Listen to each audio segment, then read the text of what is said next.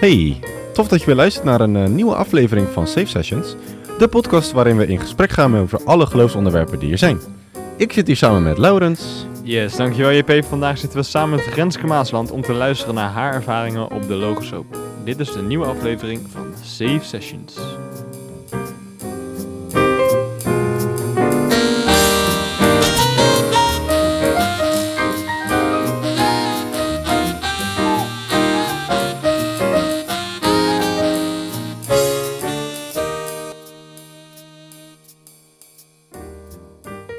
Hoi Renske, Hoi. welkom. Ja, welkom. dank je. Leuk dat je er bent vandaag in de, in de podcast van, eh, van Safe Sessions. Leuk dat ik er mag zijn. Ja, Yes, vandaag eh, gaan we het hebben over jouw getuigenis. eh, wat je allemaal hebt meegemaakt op de Logos Open, want daar heb je een hele tijd eh, op gezeten. Als eerst gaan we natuurlijk jou leren kennen, zoals, eh, nou tenminste, dat proberen we een beetje. ehm, zoals alle andere gasten ook nog. We beginnen daarom meteen met de safe questions. Wat is eh, de eerste, JP? De allereerste safe question voor jou is... Wat is iets wat jouw dag altijd goed maakt? Wauw. Goeie vraag. Goeie binnenkomer.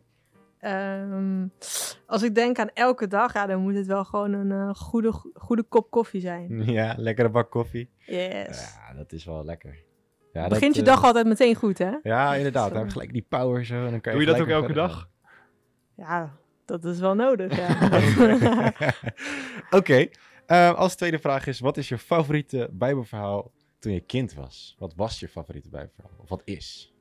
Wauw, ja, daar moest ik wel even over nadenken. Ik heb het zelfs nog bij mijn ouders nagevraagd, of die het toevallig wisten. Die wisten ook niet één specifieke.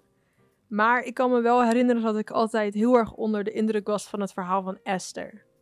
Ehm, omdat het gewoon, hè, weet je, de hele inhoud van het verhaal, het was spannend. Dus ik zat altijd echt op het puntje van mijn stoel van wat gaat er gebeuren. En natuurlijk, eh, ja, zo'n eh, vrouwelijke heldin in de Bijbel, ja, dat vond ik altijd wel leuk. dus, eh, Ja. Ja. ja, ja, Welk muzieknummer heb je uitgekozen voor de Safe Sessions playlist als laatste?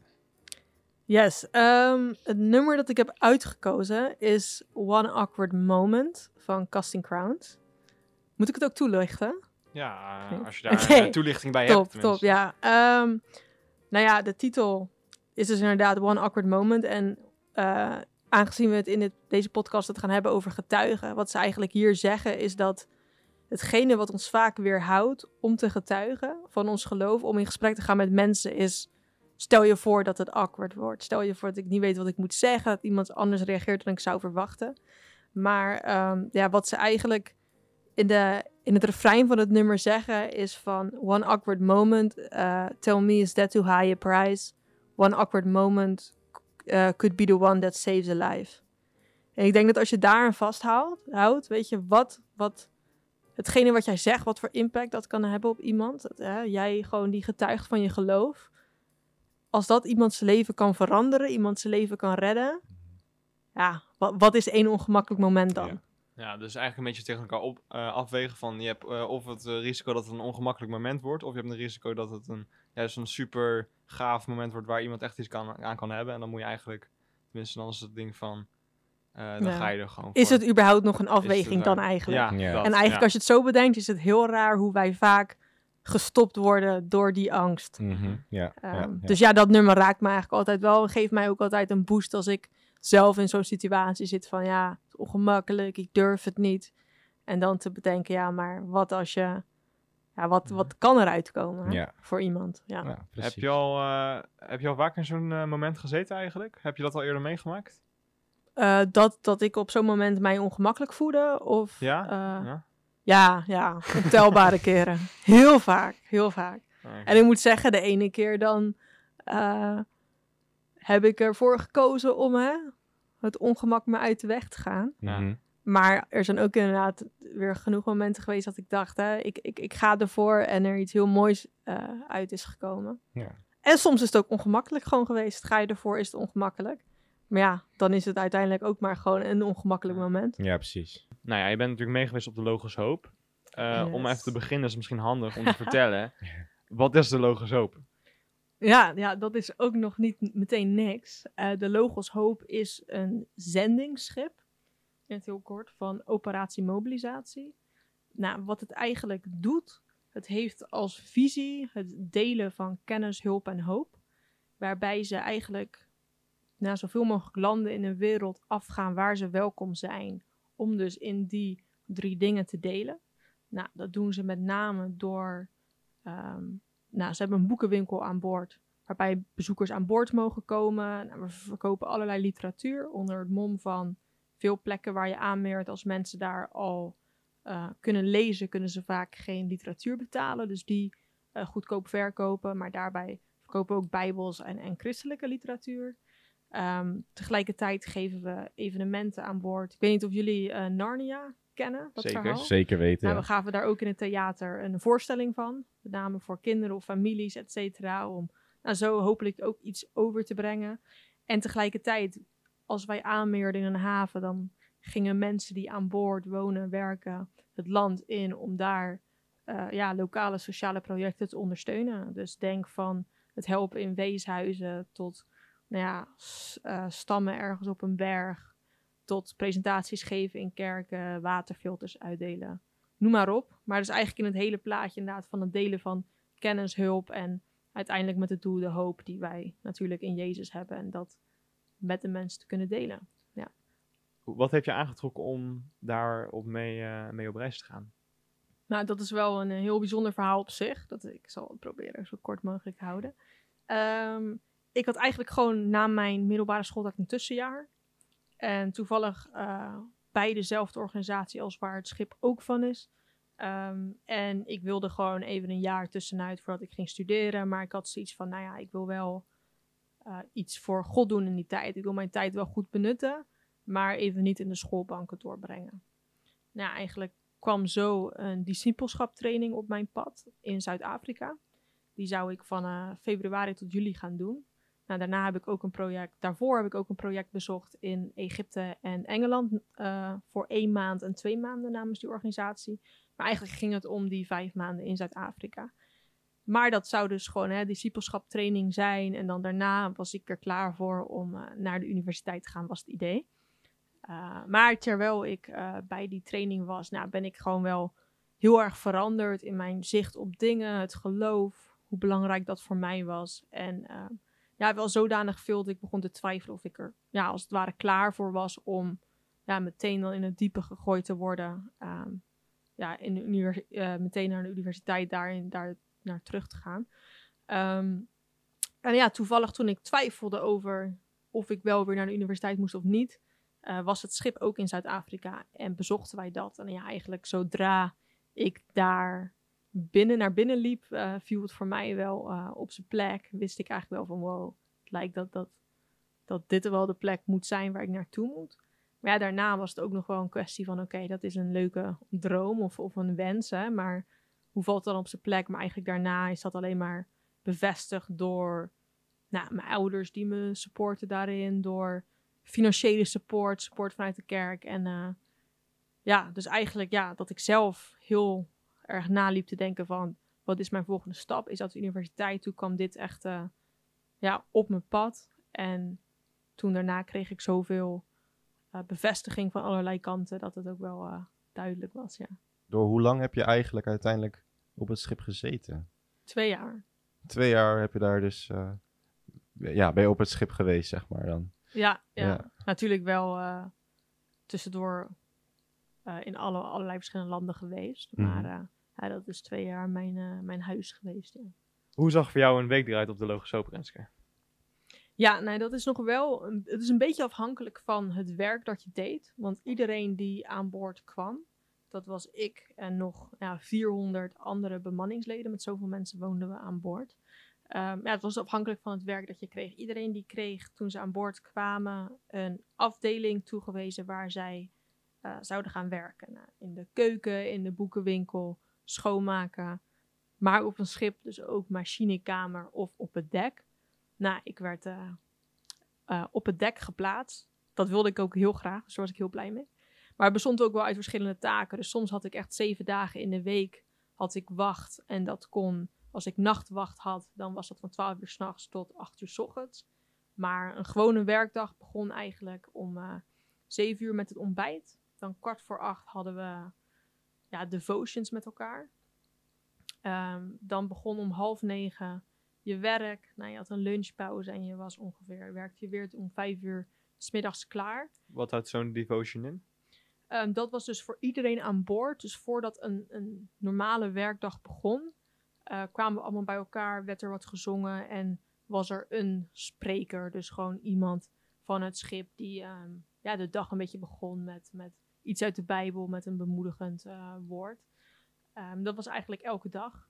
Alleen soms had jij andere shifts, dus werkte je op dat moment of, of wat dan ook. Maar als jij gewoon een normale werkdag had, dan was er verwacht dat je erbij was. En dan werkte je tot zo'n vijf uur 's middags. Dit was over het algemeen vijf dagen in de week. Eén dag was je vrije dag en één dag noemden we dat dat je connect-dag was. En dat was eigenlijk de dag die eh, in het teken stond van ja, connecten met de lokale bevolking. En dit kon op allerlei verschillende manieren zijn. Soms was het een kwestie van ga naar de boekwinkel, ga, raak met mensen in gesprek ehm, en kijk gewoon waar zij behoefte aan hebben. Maak een connectie met hem, geef ze een tour over het schip.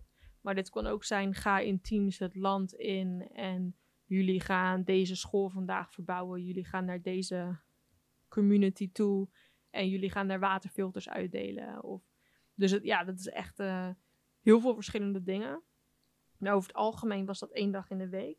En dan had iedereen de mogelijkheid één keer per jaar om echt een week eh, naar één plek toe te gaan. Is dan, ik denk dat je dan wel een taalbarrière hebt, omdat je in verschillende landen komt. Hoe hebben ze dat opgelost? Ja, dat is een, eh, een hele goede vraag. Dat hebben we ook zeker ervaren. Na de eerste paar havens waar ik was, waren in de Caribische eilanden. Dus daar spraken ze wel voornamelijk Engels. Dus dat was fijn. Maar ja, eigenlijk na zo'n twee, drie maanden kwamen we in Latijns-Amerika terecht. En daar ben ik constant geweest. En daar is de voertaal natuurlijk Spaans. Nou, ik sprak echt geen Spaans toen ik aan boord kwam. Uh, maar we hadden gelukkig wel heel wat uh, Spaans sprekende bemanningsleden aan boord. Dus vaak werd er gezorgd dat de groep met wie jij naar zo'n dag toe ging, dat er een vertaler was. Of juist van de lokale mensen, iemand die Engels sprak en die het dan voor je uh, ging vertalen. Dus er werd bijna altijd wel voor vertaling gezorgd. Maar als ik eerlijk moet zijn, bleef dat wel uh, soms een barrière, ja. Je sprak geen Spaans toen je erop kwam. Heb je aan het eind wel nu Spaanse woorden die je kent? Of, uh... ja, ja, aan het einde kon ik mezelf redelijk verstaanbaar maken in het Spaans, ja. ja.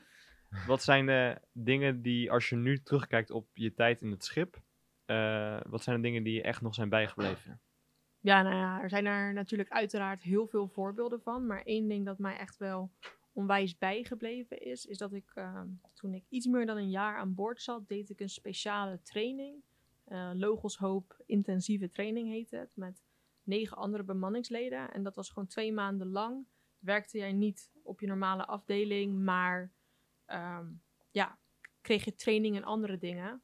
En um, je werd gewoon s ochtends wakker en je wist niet wat die dag inhield. Dus ineens, je moest elke ochtend om zes uur moesten we sporten. En dan moesten we ineens op allemaal verschillende afdelingen werken. Ineens werd er verteld, oh, we gaan vanmiddag daarheen en je moet een presentatie geven hierover. Nou, we moesten elke week een boek lezen, drie preken luisteren, daar iets over schrijven. We moesten de hele Bijbel lezen, nou, van alles in, die periode. Maar hetgene waar je dat altijd mee afsloot, uh, noemde ook wel een geloofsreis. Ja, een faith trip heet het dan. En in groepjes van drie um, verliet je het schip. En het enige wat je in je rugzak bij je had was nou, schoon ondergoed, een bidon die leeg was en literatuur, bijbelse literatuur om uit te delen. En toen was het een kwestie van uh, tot over vier dagen en succes. En het, het idee daar was eigenlijk van oké, als jij echt zo'n moment van je moet je volledig overgeven aan wat de Heilige Geest gaat doen, waar hij je naartoe leidt. En ik vond het natuurlijk doodeng. Um, ik liep daar met twee mensen uit Azië in een land waar jou verteld wordt als vreemdeling van, of, of zeg maar als nieuwkomer in het land, neem niks aan van vreemdelingen, want zij zijn de vijanden en ze kunnen je zeg maar wat aandoen. Dus ja, de, de openhartigheid, et cetera, dat, de gastvrijheid, ja, dat wordt je daar niet echt aangeleerd. Um, en dus nou, met twee Aziaten die, waarvan wij allebei niet heel, heel veel Spaans spraken in een land waar weinig mensen Engels spreken. En toen liepen we daar. En toen hadden we zoiets en het was heet. Maar vier dagen later zijn we teruggekomen aan boord. Um, wij kwamen, ik kwam aan boord met het water in mijn bidon, wat ik bij het eerste adres waar ik het mee gevuld heb. Omdat wij tussendoor op zoveel plekken uitgenodigd zijn. We hebben men nee moeten zeggen tegen maaltijden, tegen slaapplekken, et cetera. Omdat er ons zoveel werd aangeboden. En eigenlijk het enige moment dat wij conflict hebben gehad, was het moment dat wij gefocust waren op we moeten nu eten in plaats van evangeliseren. En zodra wij eigenlijk baden van oké, weet je wel, gewoon rust en we gaan verder met wat we moeten doen. Het eten komt wel. Nou ja, binnen 10 minuten hadden we een adres waar we vervolgens hebben geslapen. De volgende dag een kerkdienst hebben gehouden.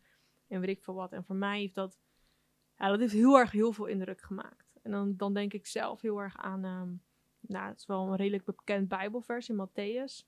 Van zoek eerst het koninkrijk van God en zijn gerechtigheid. En alle andere dingen zullen je gegeven worden. En ik denk dat dat, uh, ja, dat heeft heel veel impact gemaakt op mij. Dat, dat gewoon wanneer je focus daarop is, dan zal ook, ook in overvloed zal, zal gegeven worden wat nodig is. Dan wordt zo'n Bijbelversie in één keer echt. Ja, ja, ja, onwijs. Zeker. En, en wat is iets wat je hebt geleerd van evangeliseren in andere culturen? Soms dat ik het makkelijker vind. Omdat, ehm, nou, ik weet niet of het hier per se gaat om hè, andere culturen in het algemeen. Of dat die cultuur best wel open was. Ik ben wel echt uh, ja, van de Latijns-Amerikaanse cultuur gaan houden. Gewoon mensen zijn heel vriendelijk, heel open. En um, ja, ze willen ook gewoon graag horen wat je te zeggen hebt. Ik denk met name daar heb je natuurlijk ook wel een, een uh, goede positie als het erop aankomt van mensen vinden het heel interessant. Oh, je komt zo ver vandaan, wat doe je hier dan? Dus mensen zijn al snel geïnteresseerd in wat je te vertellen hebt. En ja, dat, dat kan, en kan ik ook begrijpen als dat hier in Nederland dat dat wat, wat lastiger is, want het is misschien minder interessant als jij gewoon hè, hier bent. Dus dat in enige, ja, dat maakt het soms ook wel makkelijker, omdat mensen gewoon door waarmee jij daar gekomen bent, um, ze het al interessant vinden om iets van je te horen. Ik denk dat dat in alle culturen wel zo is, dat wanneer je met religie komt, dat hoeft niet per se het christelijk geloof te zijn, maar uh, überhaupt religie, dat mensen of juist heel nieuwsgierig naar kunnen zijn, maar er zijn ook uh, altijd wel mensen bij die juist in één keer zeggen van nee, ik wil niks met je te maken hebben, uh, ga weg. Heb jij ook zulke soort situaties gehad waarbij mensen meteen dachten van ik wil hier niks mee te maken hebben? Ik denk met name omdat wij met veel... In Latijns-Amerika is heel uh, katholiek. En heel, heel rooms-katholiek. Dus wanneer jij begint over, over Jezus, kerk, het christendom, is het al gauw ja, ik geloof het ook. En uh, we vinden zelfs, zeg maar, ze weten het allemaal. Het is niet van, ze hebben nog nooit van Jezus gehoord. De helft van de, van de mannen daar heet Jezus. Dus, uh, uh, dus, dus in die zin was het soms lastig, omdat ook het katholicisme daar is heel erg gaan verweven met ja, hekserij en dat soort dingen. Dus het is wel een beetje een, een slechte kant op gegaan daar. Mm -hmm. Maar het is gewoon, het is, je brengt ze niet iets nieuws in zekere zin. Dus daar gewoon hè, met, met gewoon vertellen over, ja, Jezus is gestorven, et cetera, dat kennen ze. Dus je moest daar heel erg zoeken naar een andere manier om het duidelijk te maken. En dat was gewoon heel vaak van, ja, het laten zien. En, maar waarom ben je hier dan? Oké, je bent twee jaar niet thuis. Waarom, waarom doe je ook, die mensen zijn zo erg familiemensen. Dus vaak was het het feit dat jij twee jaar je familie niet zou zien om dit te kunnen doen. Uh, ja, dat, dan, dan raakten ze geïnteresseerd. Dan hadden ze iets van, oké, wow, want ja, weet je, ik, ik, mijn geloof, ja, ik ken het wel en ik doe het wel, maar zo, zoveel doet het mij niet. En dat is vaak het verschil dat je, dat je kon maken. Maar ja, het was dus soms best wel lastig, omdat ze eigenlijk, soms leek het of ze al bijna te veel wisten, maar op een verkeerde manier. Hebben die gesprekken die je daar hebt gehad ook iets gedaan met je persoonlijk geloof? Ja, ja, 100%. En ik denk vooral voor mij in het stukje ja, vertrouwen loslaten, zeker zin. Ik ben een best wel georganiseerd persoon in de zin van ik wil het allemaal gepland hebben, precies weten wat we gaan doen, et cetera. Nou, ik heb het voorbeeld wat ik, wat ik net al noem, van uh, ja, je kan niks plannen en het is gewoon gaan. Maar daarbij heb ik ook wel echt heel sterk ervaren dat eigenlijk de mooiste momenten de ongeplande momenten waren. De momenten dat wij het meeste indruk ja, konden maken. En dan niet hè, dat, het, dat het gaat om ons, maar waarvan ik echt wel ervaren heb, daar is zijn mensen het meest geraakt, waren de momenten dat die eigenlijk het minst, eh, het minst gepland waren. Ik kan een voorbeeld noemen, maar ik weet niet of daar... Ga je gang? Nou, het was dus eigenlijk met dezelfde training die ik deed. We waren in eh, Costa Rica. En ik had eerder die week een man ontmoet. Een, een eh, dakloze man. Dat was heel zielig. Hij sprak, een beetje, hij sprak een beetje Engels, ik een beetje Spaans. Dus we konden enigszins communiceren. maar ik had hem een, een, eh, het evangelie van Johannes. Hadden we op papier. Dat had ik hem gegeven van, hey, dit moet je even lezen. En hij had, maar hij was alcoholverslaafd. En hij zat daar heel erg, heel erg aan vast. Ja, dus ik zei, hey, kom morgen naar het schip toe. Dan geef ik je een bijbel. Nou, hij kwam niet. Ik was best wel teleurgesteld. Twee dagen later, donderdagochtend, zijn we aan het hardlopen. Want met die training moesten we elke ochtend rennen. En ik ren daar en ineens kijk ik kom, zie ik hem daar zitten. En hij zit evangelie aan het lezen. En ik zeg zo, hé hey man, eh, waarom ben je nog niet gekomen? Zegt ja, ze lieten me niet toe. Dus de havenautoriteiten hadden hem niet Mm. toegelaten omdat hij dakloos was. Dus ik baalde ervan. Ik zeg, hé, hey, zorg dat je hier vanmiddag bent om vier uur. Dan ga ik je een bijbel geven. Nou, oké, helemaal prima. Wij eh, rennen terug. eh, klaarmaken voor het ontbijt. Na het ontbijt hebben we de devotions, waar ik het eerder over had, met alle mensen aan boord. En toen zei ineens de kapitein, ja, we moeten met spoed eh, met de lunch vertrekken. Omdat het zo hard waaide, dat alle, alle touwen waar het schip mee aan de, aan de kade vastgemaakt zat, die, die waren allemaal kapot gegaan. Dus we konden eigenlijk daar niet meer blijven. En ik dacht, nee, ik moet hem nog die Bijbel geven. Mhm. En eigenlijk zouden wij gewoon eh, ergens gaan werken, mensen helpen. Toen zei onze leider, hey, ik moet ook nog wat mensen ontmoeten. Laten we naar buiten gaan. Wij gaan naar buiten en er staan mensen al eh, twee uur in, in de rij om naar het schip te komen. Misschien nog wel langer. Mensen die reizen daar vijf uur voor echt een uur ergens heen. Dat kunnen wij ons niet voorstellen. Maar we zeiden, ja, wat gaan we nou doen? Dus wij keken elkaar, keken elkaar aan. Oké, we hebben gewoon een, eh, een speaker meegenomen en wat dingen om een sketch te doen. En we hebben zoiets van, we zien het wel. We zien die hele rij staan. En ineens wordt ons verteld dat er ongeveer 100 meter verderop eh, buiten een amfitheater is. Wij keken elkaar aan van, oké, we gaan het gewoon doen. Dus we hebben zoiets van, oké, het is nu eh, half elf. We nodigen iedereen die hier is uit voor elf uur in het amfitheater. Dus wij hebben heel snel een programma bedacht van alles. Uiteindelijk staan we daar, programma gegeven. En achteraf komen mensen naar ons toe huilend. Bijvoorbeeld een, eh, een juffrouw van een, van een basisschoolgroep. Ze waren op schoolreisje. Ze dachten leuk naar het schip. Nou, konden niet meer naar binnen. Toen zei ze, maar ik ben christen en ik mag hier nooit iets van delen met die kinderen. En nu hebben jullie hun hetgene kunnen vertellen wat, wat ik al die tijd gewild heb. Waarbij je die kinderen het onze vader mee gingen bidden en dat soort dingen. Of een moeder die naar ons toe kwam met haar tienerkinderen die zei... Ik ben zo blij dat ik aan mijn kinderen een voorbeeld ga- kan geven van...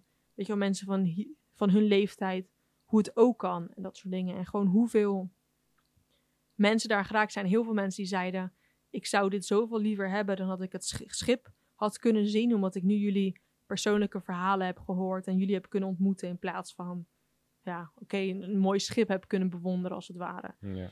En eh, nou, daarna kwam ik die man nog tegen.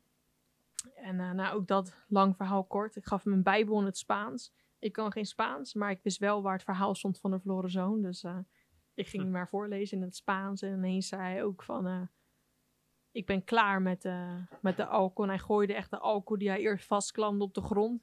En vervolgens eh, hield hij zijn bijbel eh, tegen zijn- tegen zijn borst aan, zeg maar. En dat was ook wel een heel mooi moment. En voor mij liet dat weer zien, het, leek op een, het leek iets heel slechts, iets heel naars. Van het schip moet ineens weg en we hadden dit niet gepland. Maar wat je dan uiteindelijk ervoor terug hebt gekregen, wat je hebt kunnen doen, wat zo spontaan was. En dan dat ik wel ook echt geleerd heb van ja, zo is het ook soms. Hè? je moet gewoon klaar zijn. En weet je, dan ga je daar staan en je hebt niks gepland en je weet niet wat je wil zeggen. Maar dan laat je je gebruiken en dan komt het ook wel goed. En op een gegeven moment ben je natuurlijk weer teruggekeerd naar Nederland, na twee jaar. Ehm, hoe was het voor jou om zeg maar, in één keer helemaal over te switchen in, weer in de Nederlandse cultuur? Ja, vreselijk. ja. nou, kijk, ehm, toen ik terugkwam, ehm, aan het begin was alles best wel leuk. Weet je, het was leuk om iedereen weer te zien en eh, ik was er wel echt klaar voor om naar huis te gaan in eerste instantie. Ehm, ik had ook een blessure opgelopen aan mijn rug en ik moest daar echt van herstellen. En eh, ik had ook gewoon, je maakt daar zoveel mee, zoveel indrukken dat je het op een gegeven moment niet meer kan verwerken. Je kan het niet meer bijhouden. Dus ik wist gewoon, ik, ik, ik moet naar huis. Het is tijd. En je hebt van zoveel mensen afscheid genomen. Dat is, gaat ook wel wegen. Dus ik had best wel zin om naar huis te gaan en iedereen weer te zien. En eh, ja, toen was het allemaal leuk. Maar ja, dan ben je anderhalve maand verder, twee maanden. En dan eh, is het, het, het, het spannende, et cetera, van thuis zijn er wel weer af. En dan is het ineens van, wow, wat, eh, ja, wat doe ik hier? Wat is mijn plek hier? En weet je, dingen stellen je misschien teleur, zijn anders dan je had verwacht. En voor mij was het ook wel heel lastig dat elk half jaar komt er een nieuwe groep mensen aan boord. Dus toen ik wegging, had ik ook heel veel vrienden die op die tijd nog anderhalf jaar aan boord zouden zitten. Dus je bleef gewoon allemaal foto's voorbij zien komen van vrienden die nog wel samen waren. Jij was daar niet bij en zij hebben het leven wat zo fantastisch was en dan zit je hier. En dat is wel, ja, dat is wel een tijdje lastig geweest. Hoe lang ben je nu weer terug in Nederland? Uh, tien maanden. Heb je nu alweer voor jezelf dat je denkt dat je alweer een beetje je ritme hebt opgepakt en dat je die wat minder veel vragen hebt van wat doe ik hier? Of Nou, eigenlijk had ik dat. eh, begon het allemaal een beetje samen te vallen. En toen kwam corona. dus eh, ik had eh, echt leuk werk. Ik had. nou ja, mijn, mijn ministry hier, et cetera. En nou, toen kwam corona, kwam het allemaal te vervallen of stil te staan. Dus dat was wel lastig. Maar zoals ik zei, er is ook genoeg wat er aankomt. En ik heb wel echt, echt een visie eh, van wat ik wil doen. Dus op een gegeven moment heb ik ook wel er een beetje bij neergelegd van... volgens mij was het misschien ook gewoon een periode om even rustig ja, te zijn. ehm, de tijd te nemen, omdat er toch ja, zoveel op mijn pad gaat komen. Dat ik het ook wel nodig heb. Maar het is wel eh, lastig geweest. Ook wel confronterend soms, ja. als jij jezelf nu vergelijkt met eh, toen je van het schip afkwam en toen je het schip opkwam, wat zou dan de grootste verandering zijn bij je? Ehm, ik denk met name hoe ik de Bijbel ben gaan lezen en God ben gaan zien. Onder het mom van. ehm, iemand die zei wel eens altijd dat je niet je omstandigheden moet eh, bepalen hoe je God ziet, maar hoe je God ziet, eh, je omstandigheden of hoe je daarmee omgaat, moet bepalen. En ik denk dat dat ehm, ja, voor mij wel, wel eh, heel veel gedaan heeft onder, onder het mom van dat God onveranderlijk is, wie hij is en wat dat dan voor mij betekent. Daarbij ook ehm, heb je wel een eh, goed, ja, goede dosis discussie gehad. Op, op een hele gezonde manier. En dat was ook het mooie daar, omdat je iedereen was het met elkaar eens over dingen, maar je dus wel dat iedereen het probeerde vanuit dezelfde bron te halen. En daardoor op een ja, wel eh, goede, gezonde manier leren discussiëren, de Bijbel leren lezen. En ehm, ja, ik denk de Bijbel serieuzer nemen wilde ik nog niet zeggen, want dat deed ik al wel. Maar ehm, Letterlijker misschien. ja, ik heb wel voor mij dat het wat. Ik denk dat we vandaag de dag best wel makkelijk zeggen van. Oh, maar dat was voor toen. Of ik interpreteer het zo. Of hij zal wel zoiets bedoeld hebben. Ehm, waarbij ik wel het, ja, het misschien wel wat letterlijker ben gaan nemen. Het is eigenlijk een beetje welke bril zet je op? Zet je de bril van je omstandigheden op en kijk je daardoor heen naar God toe? Of zet je de bril van God op en kijk je daardoor heen naar je omstandigheden toe? Om het even ja, zo makkelijker te maken. En nou ja, ik denk om hè, ehm, de bril van God op, op te zetten om op een juiste manier naar je omstandigheden te kijken, moet je weten wie God is. En ik denk dat je bron daarvoor eh, de Bijbel is. Ehm, maar ja, zoals ik zei ook zei, ja, dus ik denk dat ik daardoor, eh, dat dat echt wel een van de grootste veranderingen is die gewoon in mijn dagelijks leven meehelpen. Ehm, en daarbij ook, ja, zoals ik noemde, het stukje, eh, ja, gewoon, gewoon discussiëren, je buigen over, over moeilijke onderwerpen. Uh, maar wel ehm, in liefde en respect voor elkaar. Ja, je hebt natuurlijk eh, geëvangeliseerd eh, met eh, en heel veel verschillende mensen gesproken toen je op het schip zat. Ehm, en ik kan me best wel afvragen van, hè, als je nu deze aflevering aan het luisteren bent, dat je denkt van, ja, ik kan natuurlijk ook mee op een schip, maar misschien durf ik dat niet. Hoe kan ik evangeliseren in mijn ja, nabije omgeving of naar andere mensen toe? Nou ja, ik denk ook wel dat het wel weer neerkomt op wat ik eerder zei. Het stukje van soms denken we te veel na over wat we willen zeggen, over ehm, weet je, het juiste moment, dit, dat, deze plek, deze tijd, zeg maar. En hetgene wat mensen het meeste raakt, is dat zij eigenlijk zien bij jou dat, dat het soort van zo natuurlijk komt. Dat het gewoon voor jou zo belangrijk is en zodanig gewoon een onderdeel is van wie jij bent, dat daar, daar eigenlijk soort van de, de interesse komt. En dan, dat is voor mij ook vaak lastig hoor, zoals ik al zei, van ik ben best wel iemand die het graag plant en dan, dan over nadenkt, maar ehm, dat God juist soms de ongeplande momenten gebruikt. Maar ik denk met name wanneer gewoon het zo'n onderdeel wordt van wie jij bent, dat het dan ja, heel spontaan ook, ook wel komt of zo, die momenten. Ook een beetje door je, gewoon hoe je bent, gewoon je houding, wat je uitstraalt, zeg maar, denk ik ook. Of? Ja, hoe, hoe je doet, de, de keuzes die je maakt. ehm, en dan is het inderdaad niet altijd met een wijzende vinger van... ik maak deze keuze. Het feit dat jij die niet maakt, zorgt ervoor dat jij het fout bent. Maar als jij gewoon zegt van... hé, hey, ik kies ervoor dit wel te doen of juist niet te doen, et cetera.